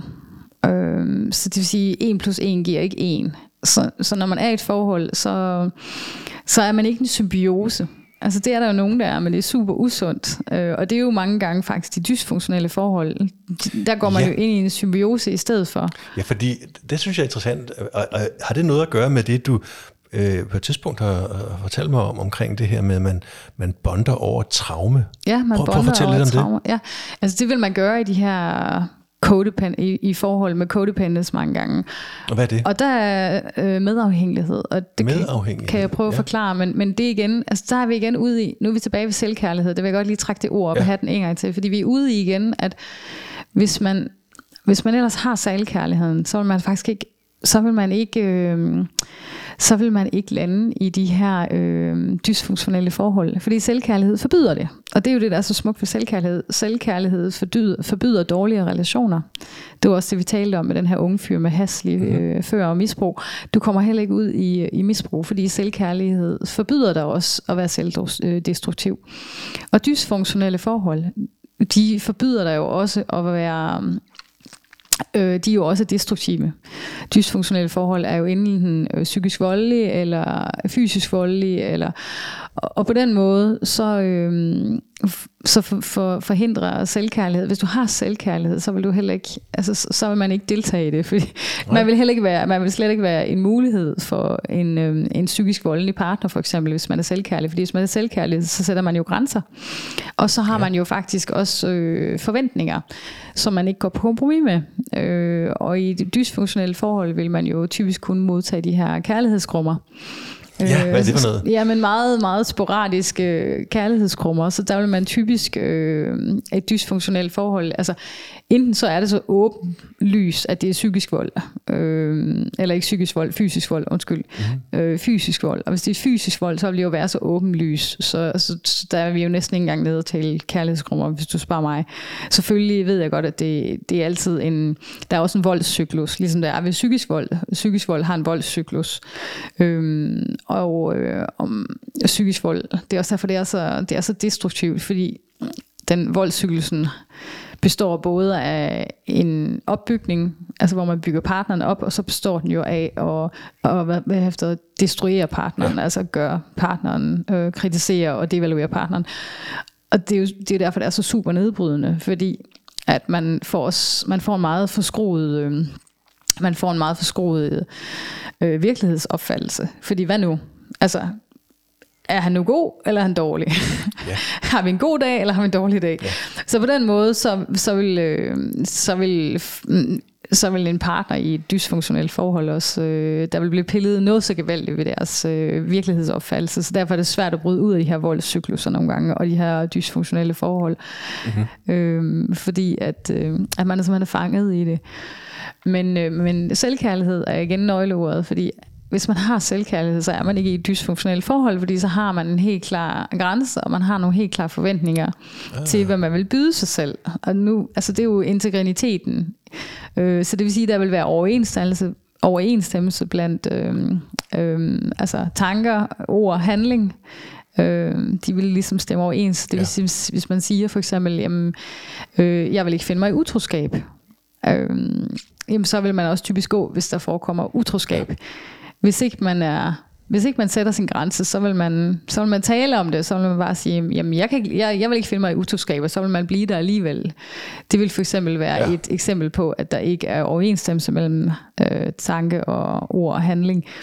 Øhm, og det er ikke særlig selvkærligt Nej. at sætte grænser ah, på den okay. måde. Så det vil sige, der er, der er sådan nogle oplagte steder, hvor man kan, skal vi sige, sætte termometeret ind og sige, en ting er, at jeg fortæller mig selv noget, men i ord og handling, der, der kan jeg ikke rigtig forsvare, øh, hvorfor, hvorfor bliver jeg så sammen med ham?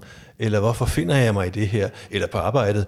Hvorfor har jeg et, et job, jeg tydeligvis kan mærke, at jeg ikke trives i? Altså mange gange så er det frygt faktisk. Og det er der, hvis du frygt, øh, hvis, hvis ens handlinger ligesom er... Øh, hvis ens handlinger er baseret på frygt. Og der er vi så tilbage ved det der, hvor du siger, jamen, øhm, igen også, hvorfor bliver man sammen med en, en, en, en psykisk eller fysisk voldelig partner? Jamen, det er jo frygt, og der, der bonder man jo over traume, som du siger, det er jo det, du spurgte mm, ind til mhm. faktisk, mm. at man bonder over traume, det vil sige, øh, og medafhængighed, det var stikordet. Ja, vi er tilbage ved sporet igen. Øh, hvis man har for eksempel, lad os nu sige, man har traume med fra ens barndom, der hedder, jeg føler mig... Øh, Øh, jeg, føler mig, jeg føler mig afvist, jeg føler mig svigtet, jeg føler mig forladt. Øh, så man har en grundlæggende angst for at være alene, fordi det er noget, man har oplevet tit i ens barndom, for eksempel. Så man har, man har traumeboende, øh, der hedder, jeg er bange for at være alene, og, og jeg føler mig svigtet. Så, øh, jamen, så mange gange, så vil man finde sig i rigtig mange ting. Man finder en partner, og så vil man finde sig i rigtig mange ting på grund af tryghed. Mm-hmm. Fordi man har en frygt for at være alene, fordi man har det her traume med sig. Og øh, det er jo sådan igen det her et super eksempel på, at indtil man er bevidst omkring, at man har traume, og det er derfor, man har sådan en irrationel angst omkring at være alene, man forstår det simpelthen ikke. At man er så bange for at være alene eller blive forladt, mm. ikke? Hvorfor? Det der, den er der faktisk mange, der har boende. Øhm, og, øh, og hvis man har det her, det kan fx være en far, der har forladt familien for en anden. Øh, der er barnet er en 3-4 år gammel, og der er en far, der forlader familien for eksempel øh, på grund af utroskab netop. Så vil barnet mange gange have den her boende i sig, at man er blevet forladt. Og så har man et traume omkring det, et grundmønster, der hedder, jeg er bange for at blive, blive forladt, eller bange for at være alene. Og så vil man typisk finde en partner, der, der passer ind i det mønster her. Så det vil så sige, jamen, ja. øhm, det vil typisk bekræfte sig selv, for man har jo, man er blevet forladt én gang, og man er måske også vant til at blive svigtet. Så på den måde, så har man måske heller ikke de højeste standarder, fordi man har også, man har også, øh, altså du, ud fra de erfaringer, du har gjort dig, den måde, du er blevet elsket på i din barndom, det er typisk, det er typisk dem, når du skal ud og finde en partner, så vil du typisk vælge en partner, som, øh, som spejler det, du kender som kærlighed. Som afspejler det, du kender som kærlighed mange gange. Altså, Jytte, Jytte Vikkelsø har jo skrevet en bog, der hedder Derfor forelsker du dig aldrig i den forkerte. Og det har noget med at gøre, at man, hvis man er for eksempel blevet, ja, Altså hvis man, hvis man er vant til at blive svigtet, eller mm-hmm. vant til at blive kontrolleret eller domineret af en meget dominerende forælder, så, så vil det faktisk heller ikke være fremmed for en at finde en partner, som er super dominerende og kontrollerende. Det er det er noget genkendelighed. Ja, det, det er noget genkendelighed. Og man vil heller ikke stille spørgsmålstegn ved det, typisk, fordi Nej. det vil være meget normalt. Jamen, sådan er det der bare. Jeg der, altså også at blive krænket, for eksempel. Ja, ja. Hvis, hvis der er børn, der bliver krænket i deres barndom, og de finder en partner, der krænker, øh, der taler dårligt. Øh, jamen, det vil heller ikke være unormalt. Jamen, det er vel bare sådan, det er. Det vil man overhovedet ikke spille spørgsmålstegn ved, fordi det er den måde, man er vokset op på. Og derfor ja. så vil det gentage sig selv, og det er det, man kalder mange gange... Øh, hvis man så har et grund, altså det er jo så måden, man møder sin partner på, det er jo det der med igen, at det er genkendeligt, det er tryk, så man finder typisk en, som gentager, man gentager mønstret med. Øh, så det er en del af det, og så har vi det her med, med, at man som sagt også har det her traume med sig, at man er bange for at blive forladt. Og hvis man så har de to øh, betingelser, det kan man ligesom regne ud, øh, jamen så er man i et dårligt dysfunktionelt forhold, fordi man, man får i virkeligheden, er det skadeligt, Øh, men man tør faktisk ikke forlade det, fordi man har det traume, og man er ikke bevidst omkring det her mønster. Øh, ja. Men man bonder omkring traume. Og, øh, og den anden partner vil typisk også have noget, som så passer. Altså som har et, et, et traume, som er anderledes ganske vist. Det kan være, at jeg føler mig ikke god nok. Lad os nu sige, det er, at jeg føler mig ikke god nok.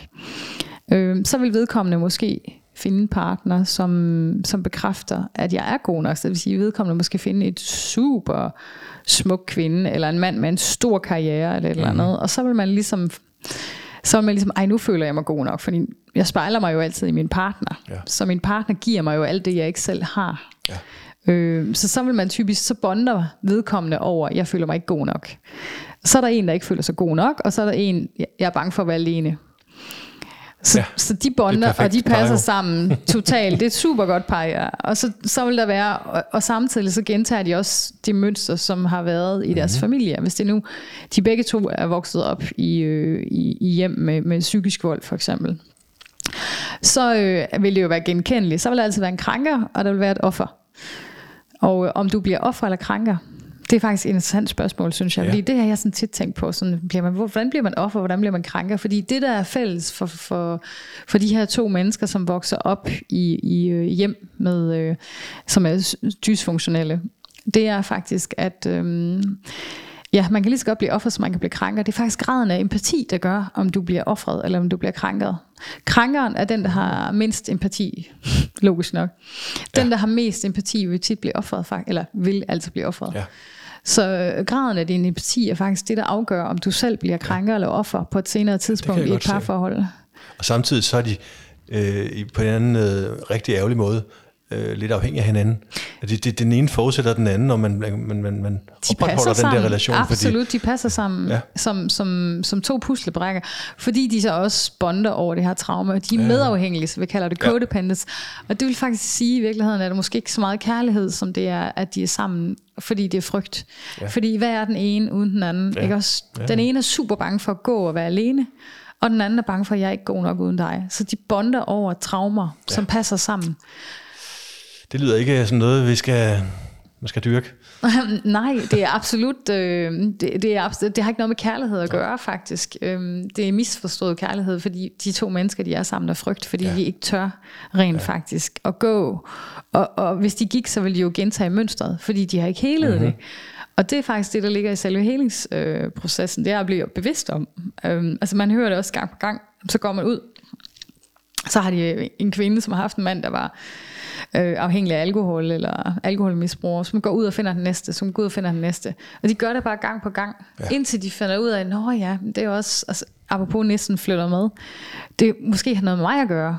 Ikke? Mm-hmm. Måske, måske skulle jeg lige kigge på mig først. Ja. Øhm, og indtil man kan så få kigget på sig selv, og få helet sig selv, jamen så vil man, så vil man blive ved med at falde i den samme. Apropos, man ja. møder det til, man mestrer det. Fordi hvis man nu er vant til alkohol fra ens barndomshjem af, for eksempel, så er det jo velkendt. Der er jo ikke noget unormalt i det på den måde.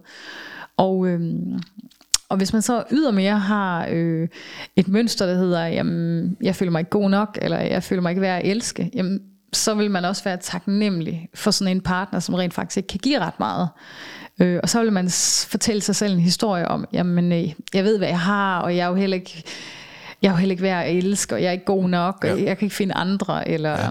eller jeg, det må være, jeg må tage, være taknemmelig for det, jeg får, eller, Ja. ikke? Så Ja, det er sådan en historie, man fortæller sig selv, fordi den har man med. Ja. Altså, ja, det giver mening. så på den måde, så, så er alting bare tanker faktisk. Vi er, vi er vores tanker, vi er kvaliteten af vores tanker. Mm-hmm. Så hvis vi har, hvis vi har kvalit, virkelig, virkelig tanker af god kvalitet, så vil vi typisk, det vil også afspejle sig i vores relationer, og det vil også spejle sig i vores, øh, ja, i alt, hvad vi gør. Ja. Så, så har vi tanker af, af høj kvalitet, så vil vi typisk også have øh, livskvalitet. Et liv med høj kvalitet. Ja. Og har vi tanker, der er lave om os selv, så vil det også afspejle sig i vores relationer. Og så er vi tilbage igen der med, øh, hvorfor drengene ryger has Ja. og har en dårlig omgangsræs. Ja. Fordi vores tanker afspejler vores relationer. Så derfor er det så super vigtigt, hvad vi tænker om os selv, øh, os selv faktisk. Ja. Altså,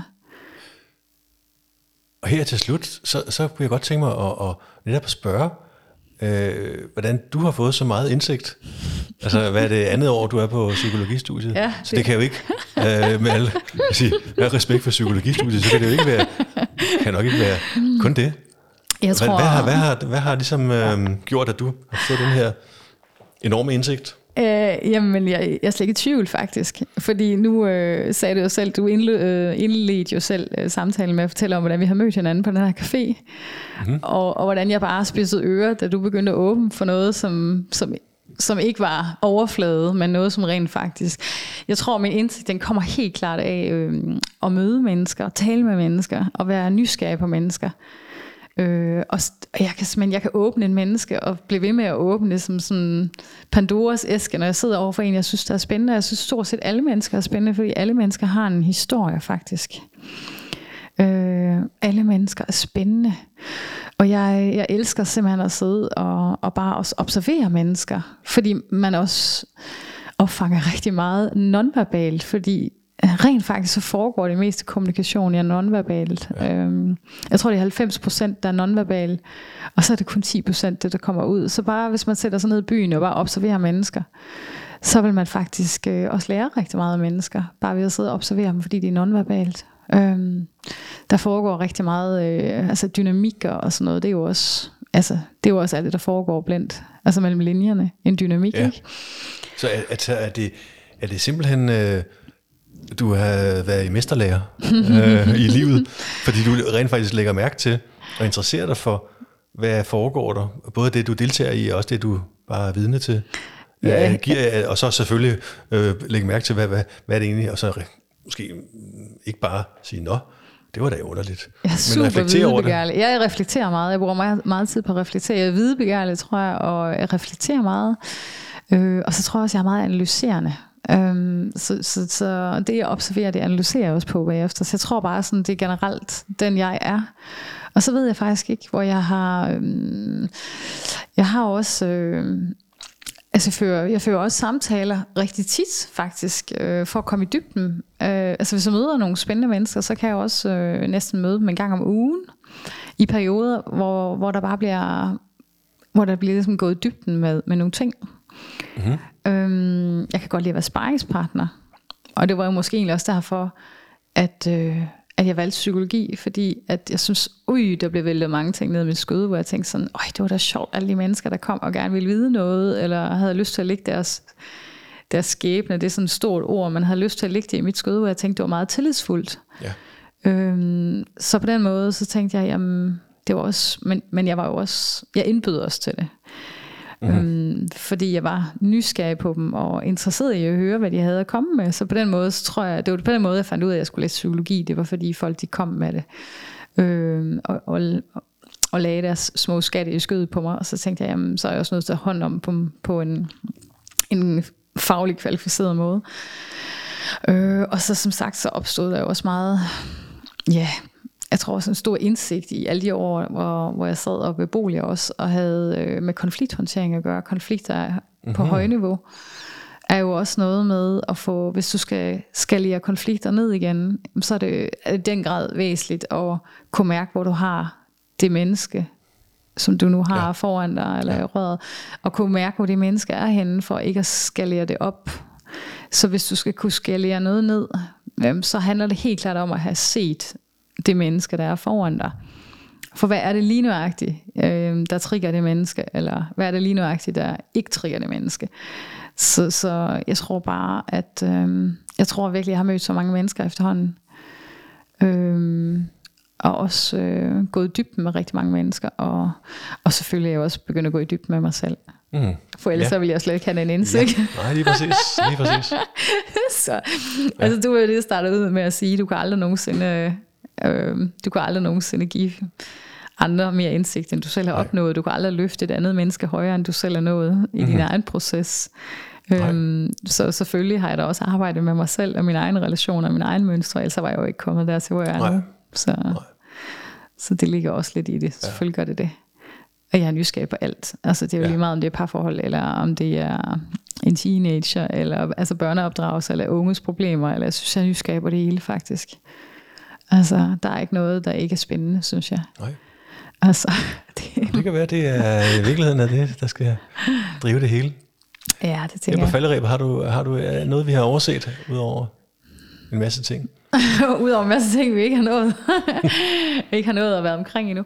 Nej, det tror jeg ikke. Altså, hvis jeg sådan lige skal vende tilbage til det hele udgangspunkt, det hele mm-hmm. handler om selvkærlighed, jamen, så tror jeg, altså nu er vi nået, vi har været sådan lidt ude og, og røre ved nogle ting, men vi er altid nået tilbage til, jamen, prøv at høre, selvkærlighed er faktisk essentielt. Det er nøglen til alt. Det er nøglen til gode relationer. Øh, det er nøglen til et liv i en, altså kvalitativ, øh, et liv i, af høj kvalitet, og, og relationer af høj kvalitet, som sagt.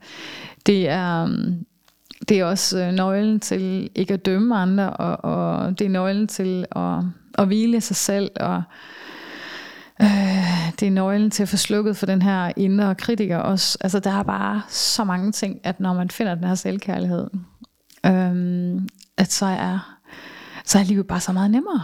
Altså, både for en yeah. selv, men også for ens omgivelser. Yeah. Altså, man er så meget mere rummelig. Altså, så, så på den måde, så tænker jeg, at det beviser meget godt, at det kan godt betale sig at gøre det her indre arbejde. Fordi det, det er et indre arbejde, og det er et kæmpe stort arbejde. Det er noget med at arbejde med ens opvisninger, ens mønstre. Altså du skal omkring det hele for at få ryddet op, inden du finder den her selvkærlighed.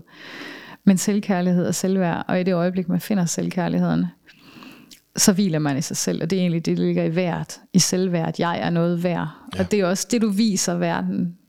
Hvis du føler, du er noget værd, så er det også det, du viser verden. Jeg er noget værd. Jeg er værdi.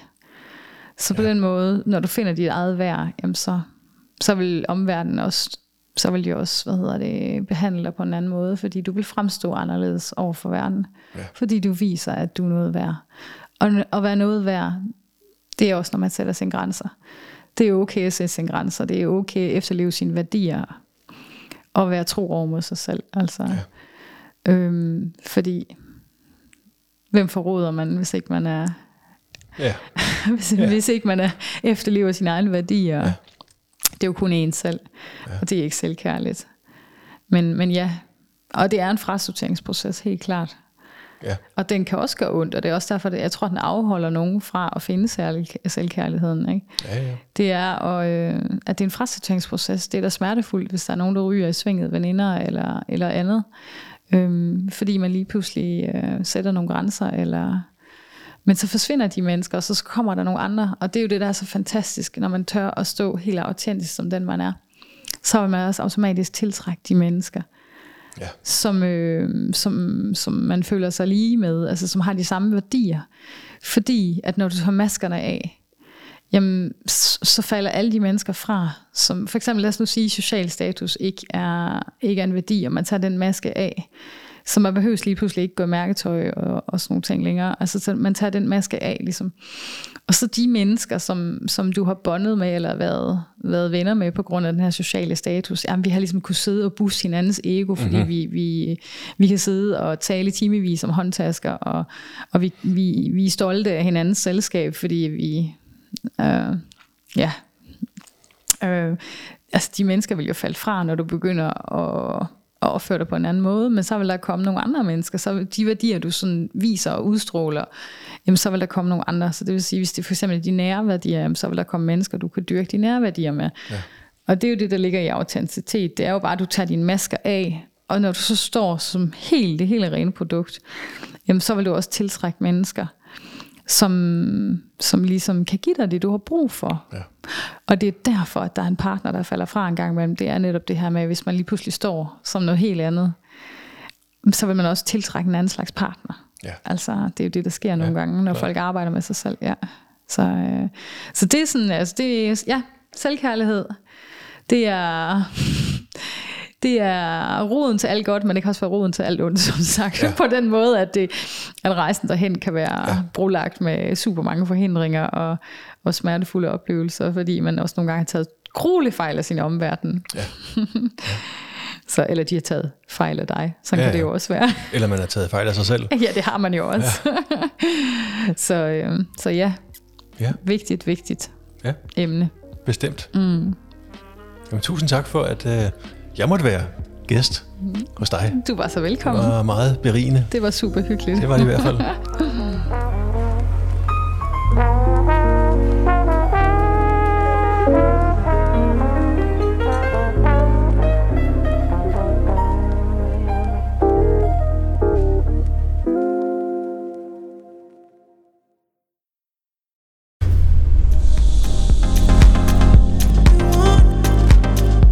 Hør flere podcasts på din foretrukne platform. Og gå ind på aktiverditpotentiale.dk når du selv har noget vigtigt på hjerte.